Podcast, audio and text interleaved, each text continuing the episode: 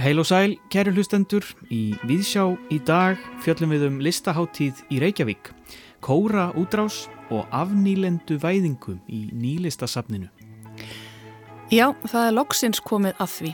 Listaháttíð í Reykjavík er handan við hornið og dagskráin hefur verið tilkynnt er að kynna sér alla viðbyrð á netinu og miðar á alla viðbyrði eru komnir í sölu.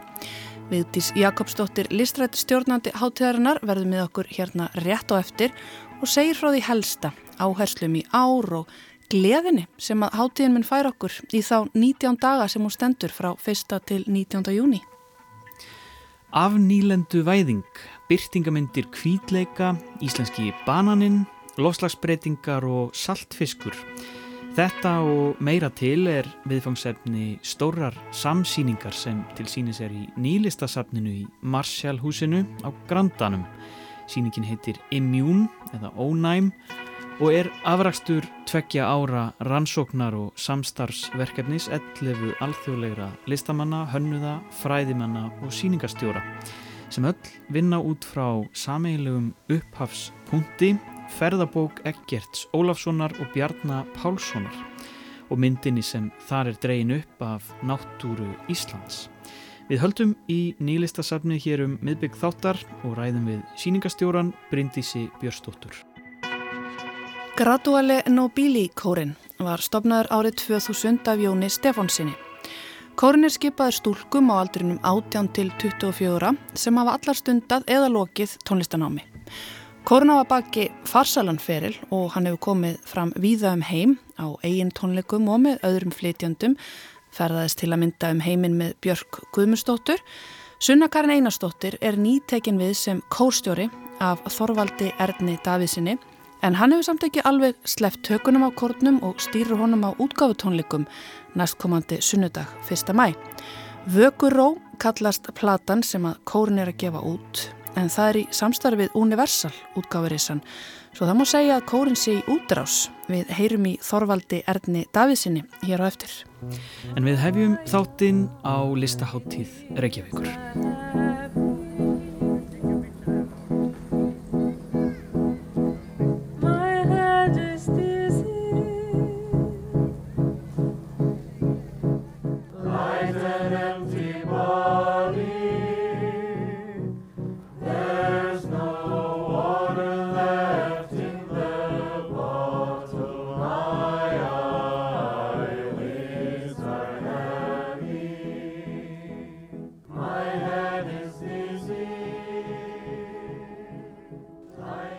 Að hlusta á brot úr verki sem að vakti ótrúlega aðtökli á síðasta Fenegar tvíaring 2019.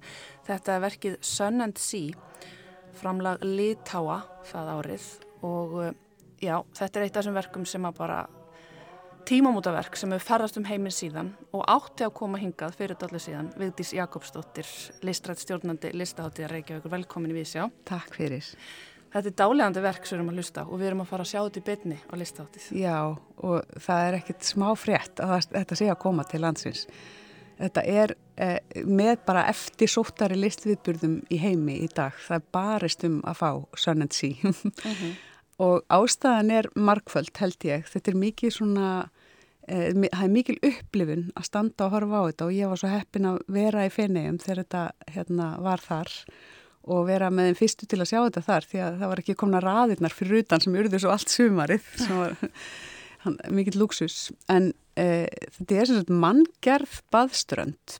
Það er að segja að það er búin til baðströnd innan hús og í okkar tilfelli verður þetta í listasafni Reykjavíkur í portinu, við erum í samstarfi við listasafni Reykjavíkur, þau taka, ætla að taka fallega á mót okkur þarna.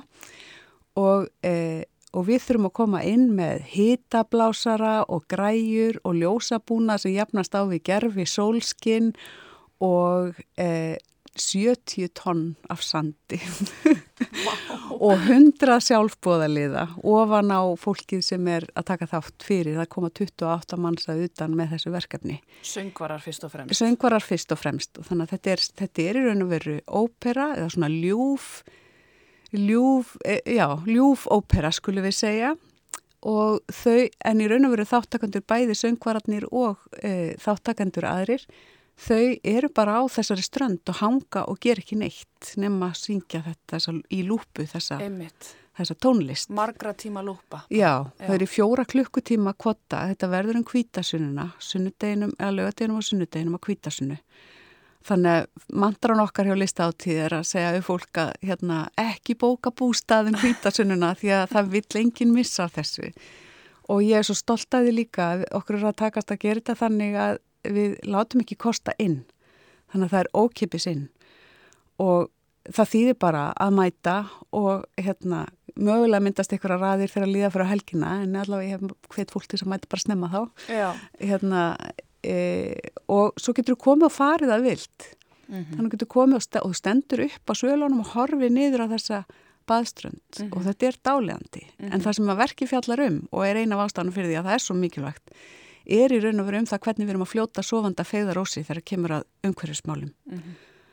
og það þetta sé frá litáin er náttúrulega æðislegt þetta okay. er bara smáþjóð eins og við þó þessu aðeins fleiri að þá er þetta rosalega stórt fyrir litáin að hafa náð þessum árangri að vinna gullna ljónið á fenniða tvíarengnum og, og svo þessi, þessi svona eh, success sem þetta hefur verið í kjálfarið Einmitt og maður veldi fyrir sér þessu success, þessu mm. mik miklu lukku sem þetta var ekki allstað. Mm. Þetta hittir akkurat inn í tíðarandan. Já. Það er verið að fjalla um þarna lofslagsmál og, og kannski neysluhyggju líka. Það er þarna líka þarna og bera á sig krem og nota plast Já, og, símana, og símana og eitthvað svona. Og einmitt liggja og láta sólina grilla sig Já. meðan að hitta stíð hækkar stöðugt. Þetta náða hitta tíðarandan og svo og svo auðvitað er ímislegt búið að gerast í millitíðinni við erum mm búin að mhm. hafa heimsfaraldur Já, sem skallan á stuttu síðar Já. og það eitthvað meðan verður annað lag núna í verkinu Já, maður er eiginlega að lesa eins og góð listaverk eru að þá fer maður að lesa þau þá fá þau bara öðlasti bara dýpru og meiri mm merkingu eftir því sem að hérna, tímin breytist og hérna, aðstæðuna breytast Akkurat. og það gildir eiginlega um þessi verkefni þegar þetta verkefni átt að vera dagskránlista átti á 2020 og það eru fleiri verkefni sem átt að vera dagskránni þá sem við þurftum að færi yfir á þessa háttíð mm -hmm. en það sem að fyllir mig svo ótrúlega eh, miklu trausti á þessi verk er að það er alveg augljóst að þau bara, merking þeirra bara dýfkar núna þó að hérna, svona mikið sé búið að gerast ljóta stríðið í Ukrænu það er líka að setja eh, marksitt á hvernig við lesum suma af þessum verkum. Akkurat. Mm. Einmitt, velvarum verk sem hafa náða að vaksa á þessum tíma og bara eru, já, eins og þú segir, ennþá dýbri í dag og það er svo margt á daskra, við að það er að koma hérna til mín með baklingin, nýjan og brendun en það er verið að líma hann. Já, það er verið að líma kjölinn, hann er tilbúin nánast, þannig að nú fer hann í dreifingu og við viljum gera prentað kynningaritt og það má kannski segja að hátíð sem að hefur að meðal annars að stefni sinna að vera eins og umhverfisvæn og hægt er að vera eh, að við sem að gefa út eh, hundrablasina kynningaritt eh, það má alveg gaggrína það en ég stend á því fastarinn fótum að þetta sé bara það stór hluti af hátíðinni, þetta ritt og það er upplýsingarna að setja fram á þennan hátt og þetta er náttúrulega falleg hönnun og allt slíkt en, og það hluti, verður hluti af háttíðinni mm -hmm. en e, þetta er líka spurning um aðgengi sem að okkur er mjög hjartfólkið og það bara hendar mjög mörgum miklu betur að fletti gegnum kynningaritt og það er verður okkipis og verður hægt að sækja hann er í yðnó bara frá með morgundeginum mm -hmm. þannig að ég hvet fólk til að gera það sem á heimangengt og það getur hatt samband við skrifstofulist átíðar ef það vil þá sendil sín eintak og skulum reyna að verða við svoleiðsbónum að koma þeim út af land líka Geta allir fengið rít, þetta er Já. mjög eigulegt eitthvað til Já. að geima bara í bókaskapnum Já. en uh, eins og þú segir aðgengi er ykkur mjög hugleikið og hefur verið bara alltaf á þessari háttíð og þá erum við að tala um aðgengi fyrir alla, við erum að tala um líka að uh, þið eru með mikið að ókipisviðburðum, þið eru mm -hmm. mikið að viðburðum fyrir börn, Já. þið farið út fyrir borginu með þessi að þú sé lista á Reykjavíkur. Og svo eru auðvitað aðgengismál. Þeir reyna að vera með alla viðbyrju þannig að hver sem er getur sota. Við erum lista átíð í Reykjavík, ekki lista átíð Reykjavíkur sem þýðir og við erum styrt af ríki og borg. Það vil, þú veist, hátíðin er í Reykjavík sem er höfuborgina sjálfsögðu og, og hérna langt flesti viðbyrjunir eru hér, enduru hér eru síningastæðinar og hér er massina fólkinu.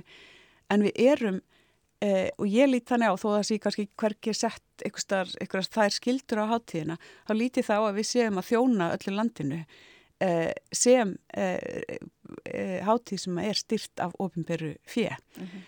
og, eh, og einleiðin er auðvitað að fara bara bókstala með viðbyrðu út fyrir eh, borgarmörkin og það eru að gera kannski í meira magni núna heldur en ofta áður. Það verður verkefni sem ferðast alveg frá sem er fyrir börn, eh, fyrir eldri börn svona, kannski frá 8 ára pluss og, og fullorna eh, sem er brúðusýning sem er í húsbíl sem að mun keira hérna, frumsýningin verður á kvamstanga þar sem handbendi e, brúðu e, hópurinn sem stendur á bakisýningunni er, bú, er staðsett, handbendi er staðsett á, á hérna, kvamstanga og þau eru e, handhafar eirarósarinnar sem eru menningavelun sem að listaháttíð stendur á baki á Sandbyðastofnun og Æslandi er. Þau unnu þessi velun í fyrra og nú eru þau átt aðaldarskarlista átíðar og ætla að fara með þessa síningu sem er svo heppilega framsett í húsbíl mm. og fara bæði á Akureyri og eftir Norðurlandi og Vesturland áðurnu koma til Reykjavíkur og sína svo þrema stöðum í Reykjavík líka í Breitholti og Elleodal og nýri bæ. Þannig að þetta svona að dreifa viðbyrðum svona, sérstaklega mm. viðbyrðum sem hæfa breyðum hópi finnst mér alveg ótrúlega mikilvægt. Mm -hmm. Það kemur líka dansýning frá hérna Again the Sunset sem er Inga Huld Hákonadóttir frá frá Brussel og þau ætla að taka ferjuna semst, eh, hérna, norrænu yfir á Seyðisfjörð og ætla svo sína á Östurlandi svona koncertútgafa verkinu sinna áðurnu koma að sína í Tjarnabíu þannig að er þetta, þessar svona hreyfanleg verk, verk. þetta er Já. mjög hérna, mjög heppilegt fyrir okkur og gaman að geta gert þetta Það eru auðvitað svo margt á dagskraf, það er ekki hægt að fara yfir allt Nei. og við erum ekki hérna með bæklingina fletta en segðum þessu bara svona áherslur hátíðarinnar í ár. Það Já, er þema. Það er þema og hérna það er svona prinsip hjá mér að notast í þema sem að barn getur skilið en hefur líka mikla dýft og, um, og það var heima fyrsta hátíðin mín og svo var heimar og núna er það hinum megin. Það er svona háþema í gangi, alveg óvart. en hérna hinum megin fæðist í raun og veru út frá þessari stöðu sem erum í að vera í raun og veru komið núna hinum megin við eh, mikinn heimsviðburð sem er heimsfaraldurinn og eh, heimsmynd okkar allra er breytt og svo bætist stríðið við og, hérna, eh, og tímandin bara er að þróa svo hrætt að við erum alltaf bara, erum, það er alltaf, alltaf umturnast, þannig að við erum einhvern veginn alltaf að þurfa að endur með þetta stöðuna. Þannig að, og hinum meginn líka því þið bara bókstala mörg verkefnana eru þannig að þú nálgast hinum meginn, þú hérna eins og til dæmis Sunnet Sí sem þú horfir á ofanfrá. Mm -hmm.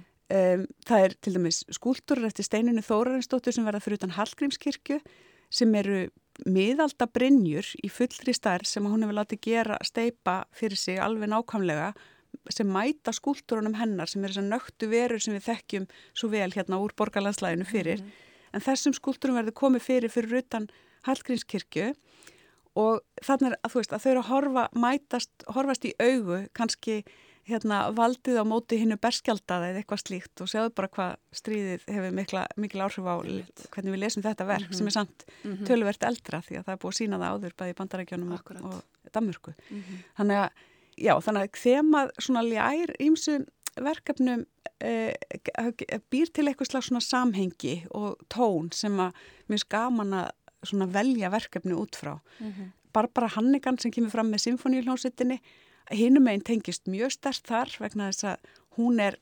ótrúleg manneskja, hún er stjórnandi, stjórnar symfóníuljónsitt en hún er líka söngkona. Þannig að e, setni hluta tónleikana þá bókstallega snýr hún sér við sem stjórnandi og syngur á meðan hún stjórnar symfóníuljónsitt í Íslands. Er, hún er algjör snillingur þessu kona og þannig er svona hinnum einn að fleirin einu leiti, hún er líka kona í eh, svona hlutverki sem að venjulega er, við myndum tengja mm -hmm. við sko kallmenn mm -hmm. og e, þó það sé sem betur fyrir að breytast mm -hmm. en e, og svo það að geta verið begja vegna borst þarna, verið mhm. bæði sólóistinn, söngkonan og stjórnandinn um leið, þetta er alveg stórkostlega listakona Já hinnum meginn, þetta er auðvitað marglaga, margþætt, sjónarhátnin, hvar mætast þau, hvar allavega, hvaðan við að horfa Já. og hvert. Þetta þema var auðvitað hugsað áður en að þetta skall allt á, en eins og þú segir, við erum stöðugt að færa okkur yfir ykkur að brýr, bara stöðugt Já. og svo upplifun hefur verið kannski sérstaklega sterk bara frá því að síðasta listahátti var í gangi. Já, algjörlega. Og, og, ég, hérna, og þetta, í raun og veru það var pínu lítið lengi í fæðingu þetta þema, það var annað sem að hérna, ég var búin að ákveða alveg bara einhverjum tveimur árum áður en mér vantaði hugtak sem næð, væri nógu opið og nógu skýrt mm -hmm. en um leið næði yfir nákvæmlega þetta sem þú ert að lýsa og, e, og, og ég er rosalega ána með það það er, hérna, það er þetta, það þjónar okkur mjög vel til þess að svona, svolítið að segja söguna se, hérna, til að bera þessa narratífi sem heldin mm -hmm. hátíðin er mm -hmm. og það er nefnilega e, það er enginn sem mun nema það er ég sem kemst næst í sennilega Se, fara á alla viðburði listaháttíðar í Reykjavík 2022. Mm -hmm. Það er alveg bara á reynu og það mun alla gerast.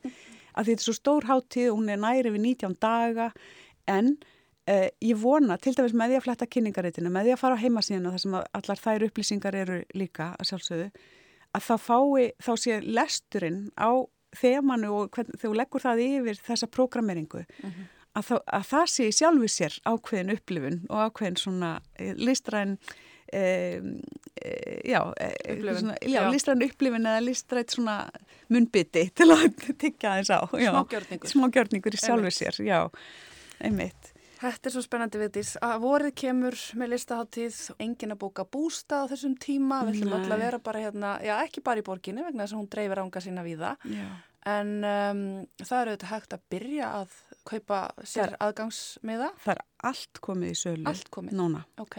Og það eru kominir Facebook viðbyrðir eða þið fylgjast með og það er allt komið á heimasíðuna.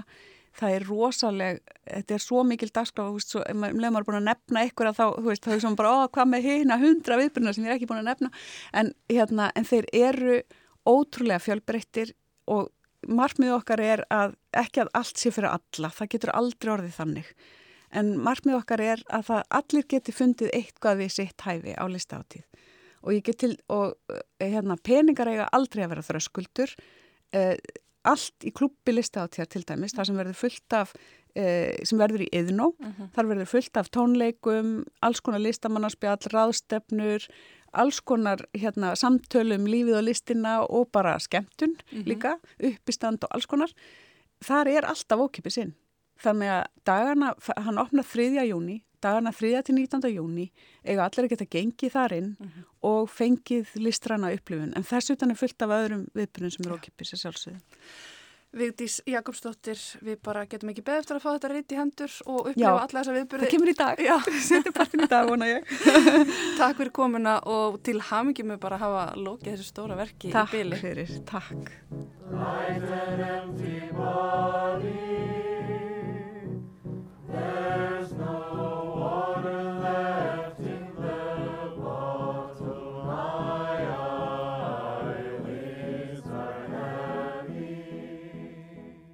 Hér heyru við brot úr verkinu Sun and Sea sem var framlag litáa á Fenegar tvíarengnum 2019 og sem að verði flutt í Hafnarhúsinu á listaháttíði Reykjavík fyrstu helgina í júni.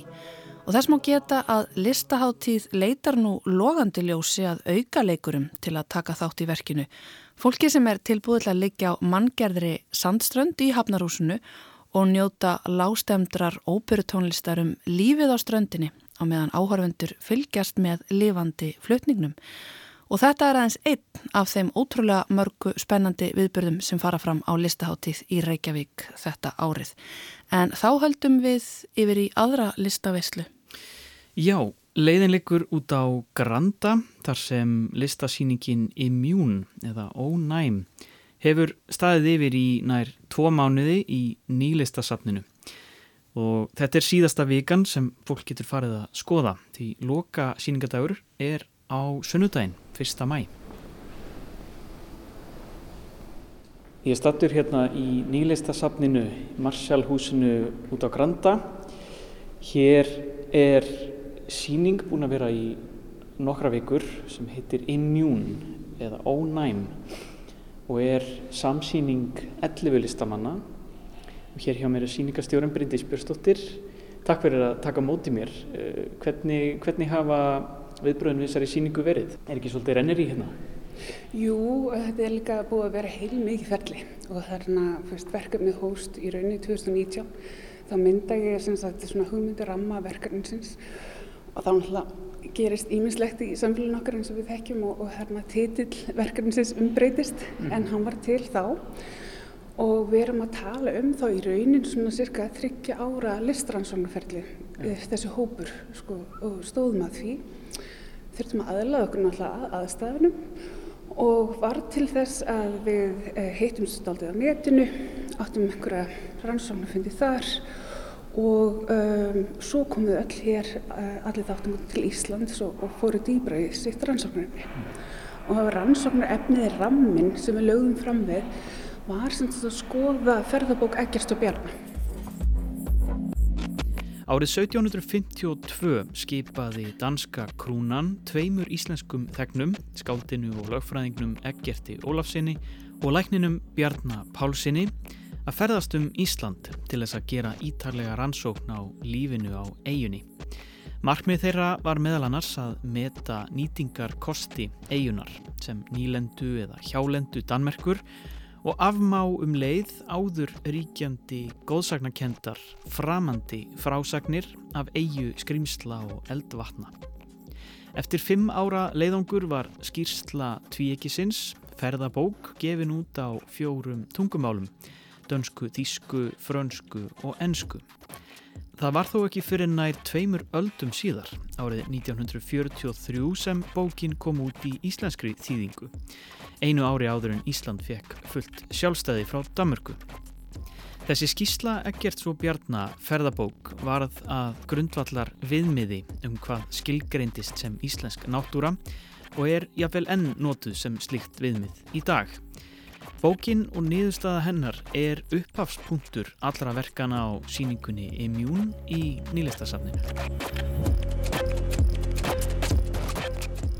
Ferðabók Eggerts Ólafssonar og uh, Bjarnar Pálssonar, þetta eru átjöndu aldar menn að skoða Ísland uh, að beðni danska kongsins til þess að, að rannsaka í rauninni bara land og þjóð.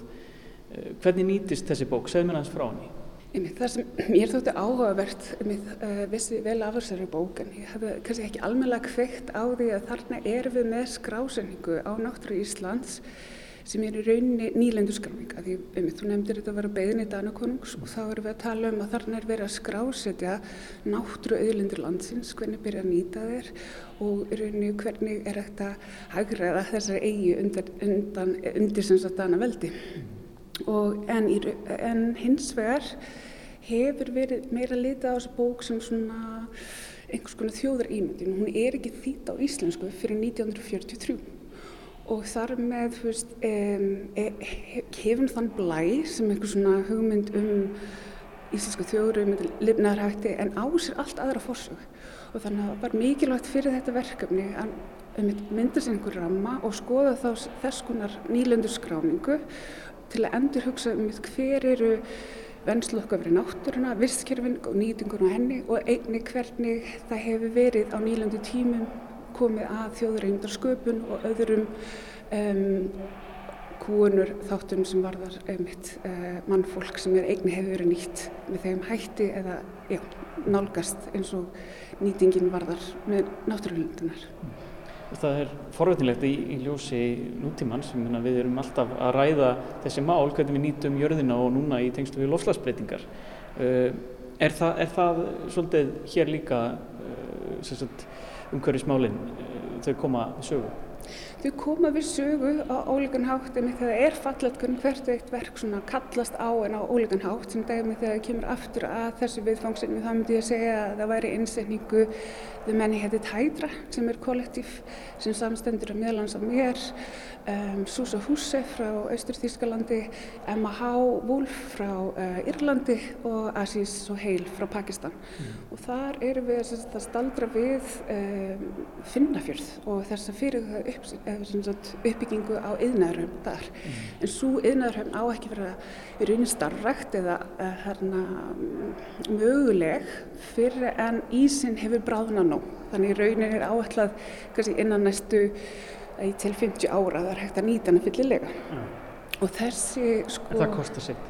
Já, ummitt og þá erum við svona að draga fram þá frásögn um þann fjörð, um þá þann möguleika og kannski endur hugsa aðra frásögn sem er hægt að varpa þar fram mm. og stillum þeir sem sagt sama við Finnafjörð í, á Íslandi við yðnaðurhöfn sem er núni í bíkjörðegni líka í Pakistan, Karachi mm. og það er svona sömum fórsettum, það er verið að byggja nýjan þarna, nýja versluna leið þar sem tengist líka þessum uh, reyfingum okay og hérna, en það er margir þættir eh, líka með þeirri einsendingu, við reynum að opna viðfungsamni og velta því fyrir okkur, við höfum líka þar buðum innlistamanni Sara Makani frá Pakistan.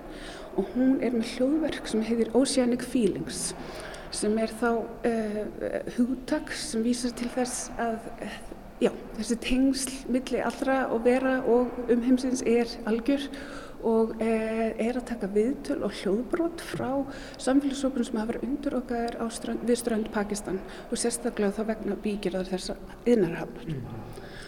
Einnig erum við með þar eh, síni, síðasta sínið sem við talið var varðveist frá leiðangri eh, Egist og, og Bjarnar. Mm. Þess að við fengum á láni frá náttúrufræðistofnun og hérna þetta er já, áhugaverð síni það er eitt eh, ekki enda að vita sko hvort þetta var eh, sínið þeirra nema fyrir þess að það, það stendur á miða en eh, vitrir er svona kunnugir menn sjá þetta er ekki handskrift ekkert og þannig að þessi skáldskapur og hugmyndur um annars konar frásagnir byrtast á aftur í því síni En það er talið að síni sem þeim var ætlað alltaf að senda til, sem sagt, þeim var skipað að senda öll náttúr síni til Danmörkur, vísenda akademinar þar, hafi týnist í flutningum ja. á geolíska safnunum þar.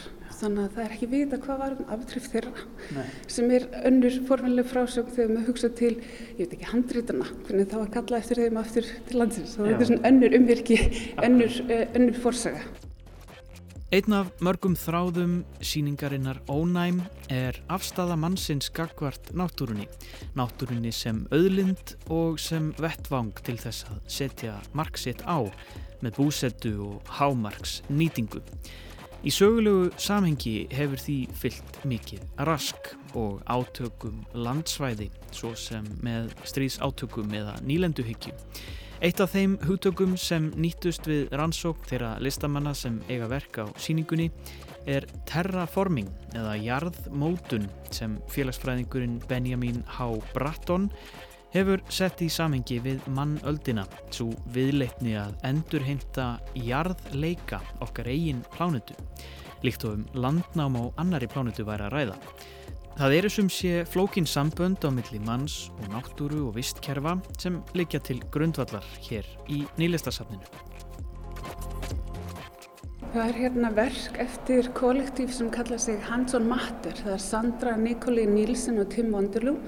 Þau eru sagt, basiröð í Berlín og þau vinna mikið með sagt, efni við og endur hugsan og hugsan út frá um, postkonsumerisma eða neysluhyggju á okkur tímum. Og uh, þar sem þau greipuð með svona sitt viðfangsefni og er með þeim fyrstu sem svona fundu sinn útgangspunkt er svona svona íslenski bananinn. Og við sjáum hérna upp á vegg uh, innsendingu frá þeim sem kallast Banana Papers og þau mitt hefðu heyrt af þessu fyrirbæri íslenski bananinn og voru bara mjög forvitin og hefðu já, vel bara lesið sér til um að, að það var hægt að kaupa sér og íslendika bara neittu einugis íslenska banana og þarna spurðu svona fyrst einhverja uh, meðal annars mig hvað, hvað stóði raunin á baki þeirri frásögn og við byrjuðum að rannsaka þetta og skoða og komst að því að það er 1939 sem Hlín Eiríksdóttir flytjur inn íslenska bananplöntunum frá London mm. Og þetta er vegna þess að þá var sko bann á innflutningi, á ávöxtum og öðrum nöðsynverum til Íslands. Og það verður úr þessu bananaræktun í borgarnesi. Ja. Og bananin er seldur í Reykjavík en við erum að tala um gróðhús úr við sem byrjar svona hægt og róla að morgna. Struktúrum við heldur í rauninni ekki ræktuninni sjálfur. Ja. Og einhver leiti að því sem við sjáum hér og er svona spersinlegt á einum af vegnum sem er hluti á einsýningunni þá eru þau búin að búa til pappýra úr bananahýðum og pröfur sér áfram hva, hvernig þetta endur nýta þess að þannig efni við Já. og í rauninni minnir þetta á þennan struktúr sem var að morgna við þennan yðnað sem Já. þegar var til staðar og líka þetta lesa útrúsi að þarna sé verið að vísa til frásagna um þjóðurauðmyndasköpun skúaskinni sjálft eða eitthvað því umlíkt sko. Við löpum hérna aðeins nær. Hérna er líka bananalauf eða ekki á, á gólfinu? Ymmitt og þetta er frá hveragerði þar sem enn er verið að rekta íslenska bananan. Og það sem áhört við þann banana er hann er nógu einangraður að þarna aðrar bananaplantegrur í heiminum eh, eru núna sagt, undir árás frá sveppi og það lítur út fyrir þessi að deyja út nefn þessi íslenski banani sem er nógu einangraður og þar með hugsanlega ónæmur fyrir honum. Ónæmi eða immjún, nafn síningarinnar, vísar í nokkrar áttir. Meðal annars þá viðletni að endurheimta næmi mannsins og vitund hans um náttúruna og áhrif sín á hana. Ekki eftir að líta á náttúruna engungu með hagkvæmni og nýtingu í huga eða leið að einhverju markmiði, heldur fremur í átt að því mark tókaða hugtæki sjálfbærni.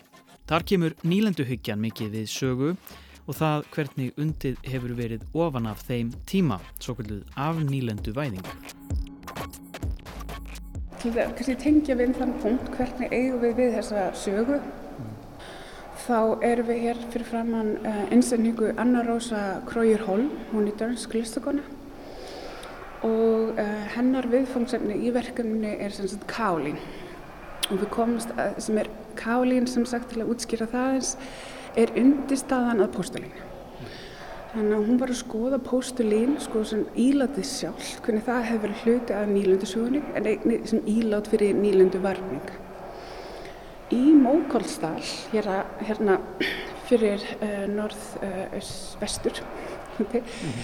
þar má finna sagt, miklu uppsprettu af gálinu.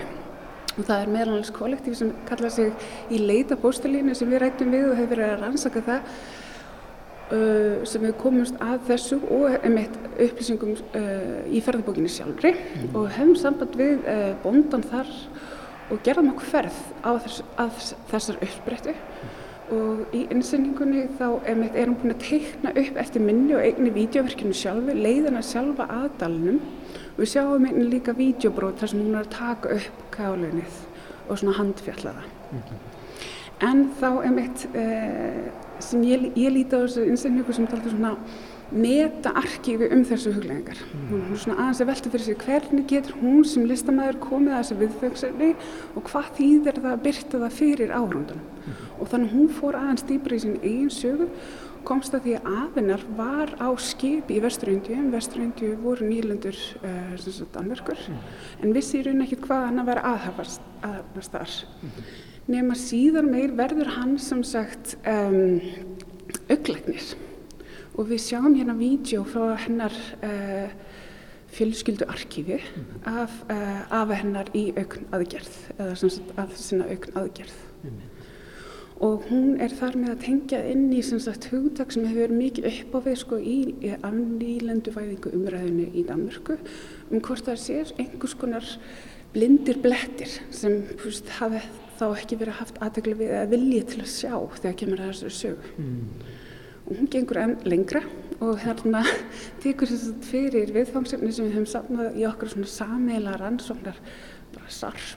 Mm. Og það er um, sagt, teikningar frá stjórnfræðinginum Percival Lowell Já. sem var uppi átjöndöld og hann taldi að hans uh, sæi, uh, aftur ekki 19. hann sæi sem sagt með því að kíkja í stjórnu sjónaugan sinn mm -hmm. Og horfa og beina sjónu sínum að Mars að hann sæði þar sem sagt ummerki um skurði yeah. skurði sem segðu til þess að þar væri æðri menning sem har búin sagt, að, að þarna skapa þessu skurði til þess að reyna að beina vatninu frá norðupólsísnum á Mars til þess að rekta land mm -hmm. Síðar hefur uh, sem komin eftirlaun haldið því fram í rauninni bara pyrða nógu hart í sjónökar sinn að hann var í rauninni bara að sjá æðakerfið aftan í augunum sín. Og það er þessi tekník? Það er þessi tekník. Sem hangir hérna frá hann? Og við sjáum með mitt þetta fengu uh, með góðfuslega leiði frá Percival Lowell Observatory, það er svona arkífum hans tekníkar hún ramma þær inn sem svona tvær myndir þannig að það vísar aftur til augans og er einnig með tvo litla skúltúra sem eru svona í plánutu eða mætti líta á það líka sem augu þar sem hún sjálf er búin að kopjera tekningar hans eða svona innblásin af þeim gert úr porsulinni unnið með kálinni frá Íslandi mm. þannig að við erum að tala um svona já einmitt eins og ég ramaði inn áður einhvers konar meta-arkífið til að reyna að endurskilgreina þessa mikró- og makró-stærðir þegar kemur að því að skoða þessu sögu og, og hvaða tengingur og áhrif þau, það hefur haft. Mm.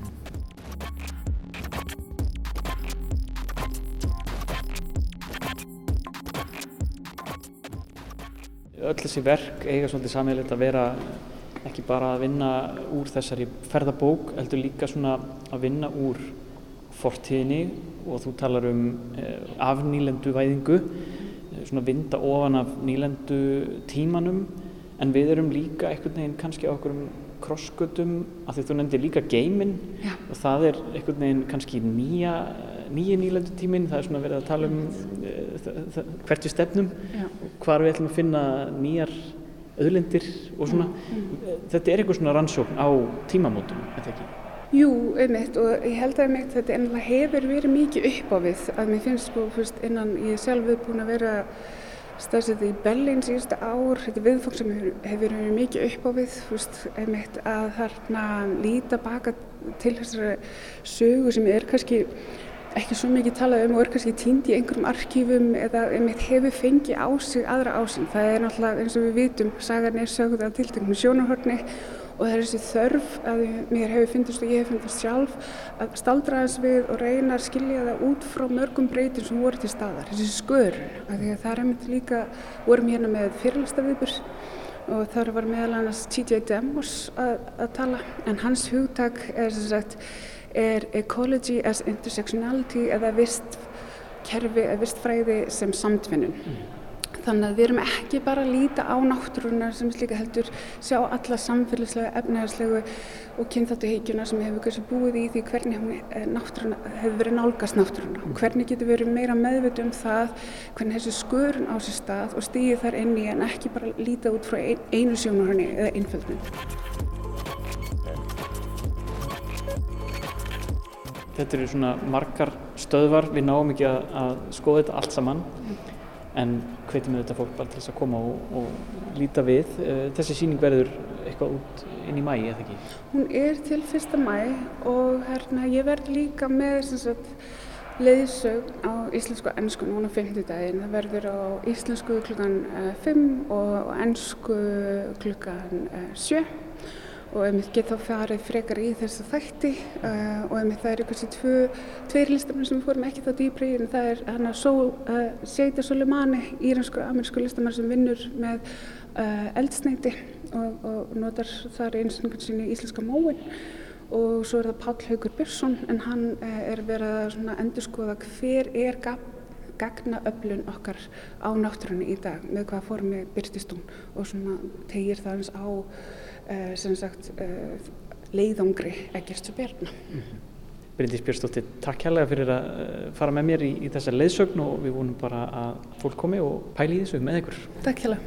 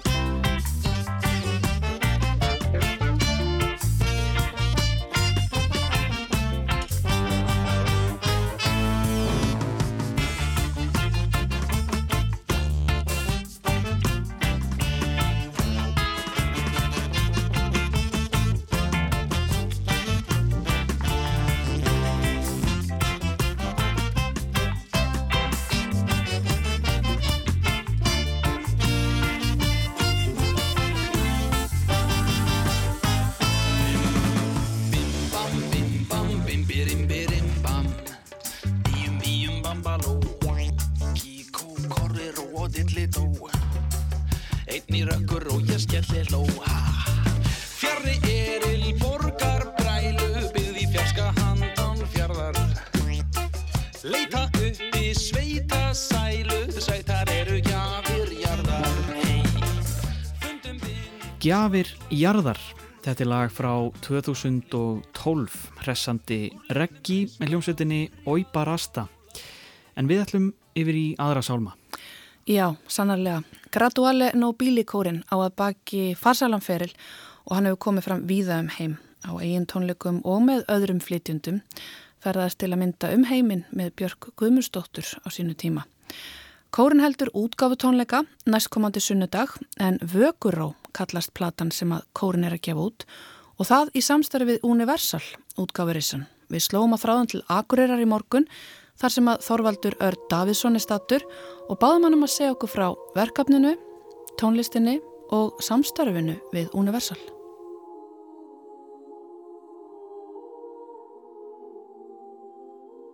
Ég heiti Þorvaldur Örn Davísson og er kórstjóri Gradual Nobili. Kórin var stopnaður um aldamótin af uh, Jóni Stefánsinni í Langholtskirkjum og þetta er uh, dömukórin svo við kallum hann eða, eða kvennakór, konur á aldrinum 18 til 34 og kórin hefur gefið út marga diska en síðan að sjálfsögðu tekið þátt í alls konar samstagsverkefnum með öðrum tónlistamennum eins og Björk Guðmundsdóttur og, og Fleet Foxes.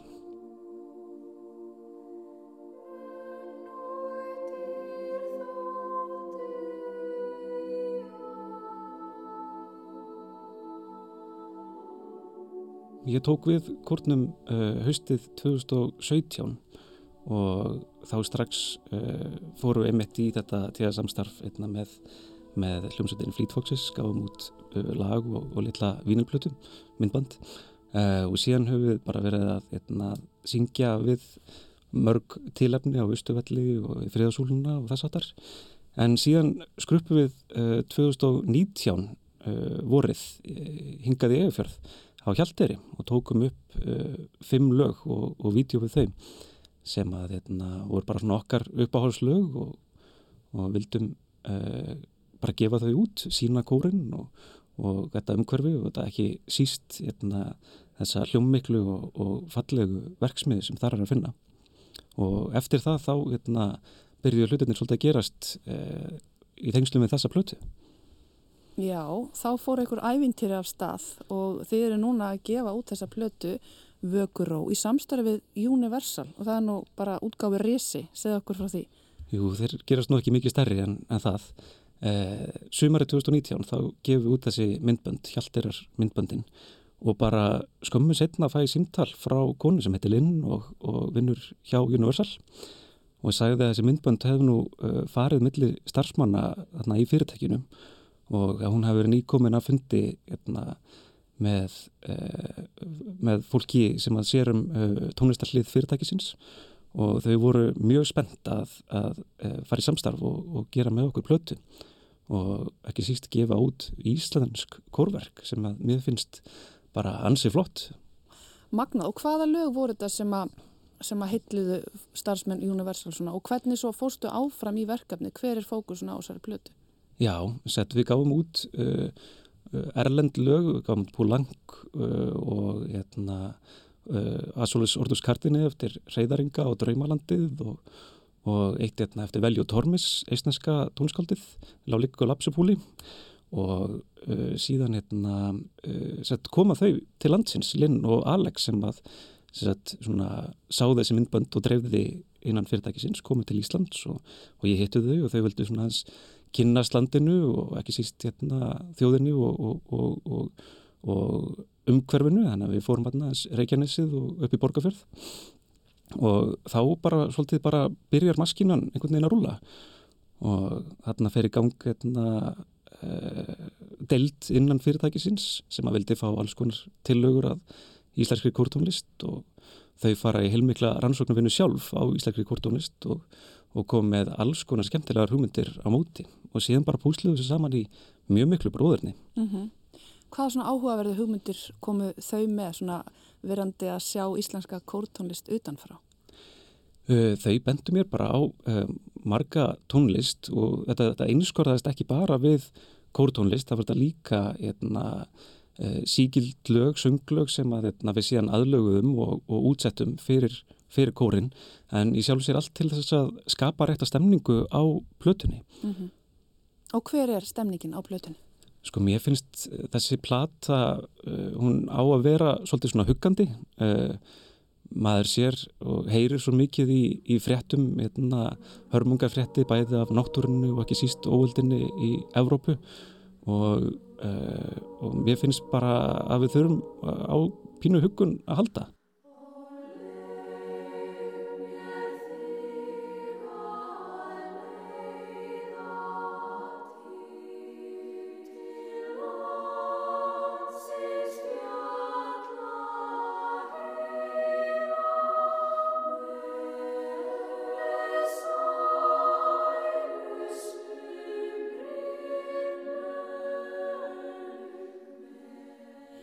Sko hvað er það við kórin? Af hverju er kór tónlist svona síkild sem er myndið segja að já, þetta væri gamaldags og, og hérna kannski höfðu ekki til allra en það verðist bara ekki vera svo.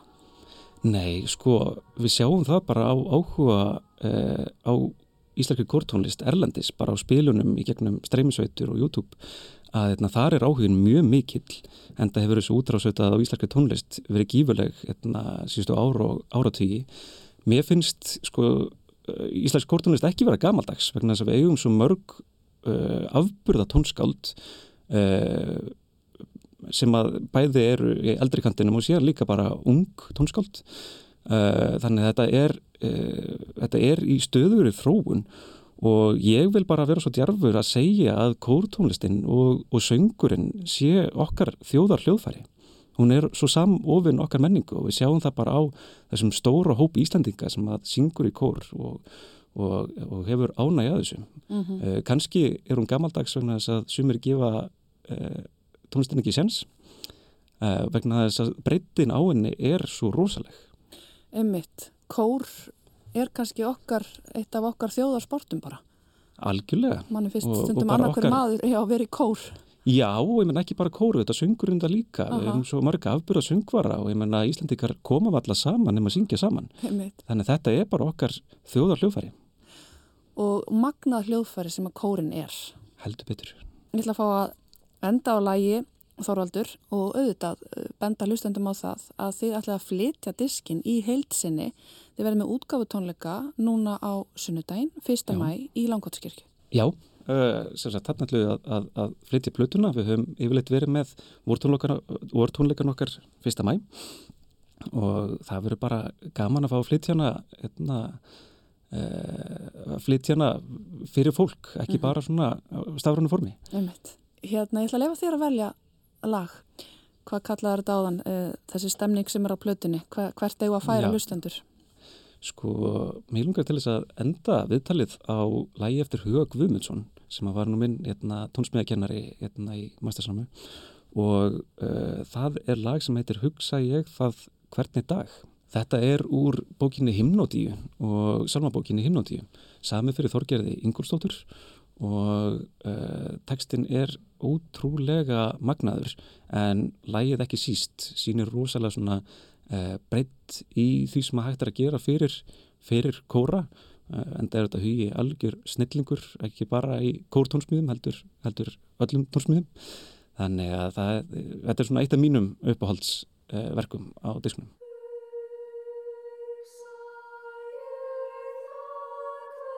Og hér á þessum fallega kórsöng eftir Huga Guðmundsson setjum við punktin við Víðsjá dagsins.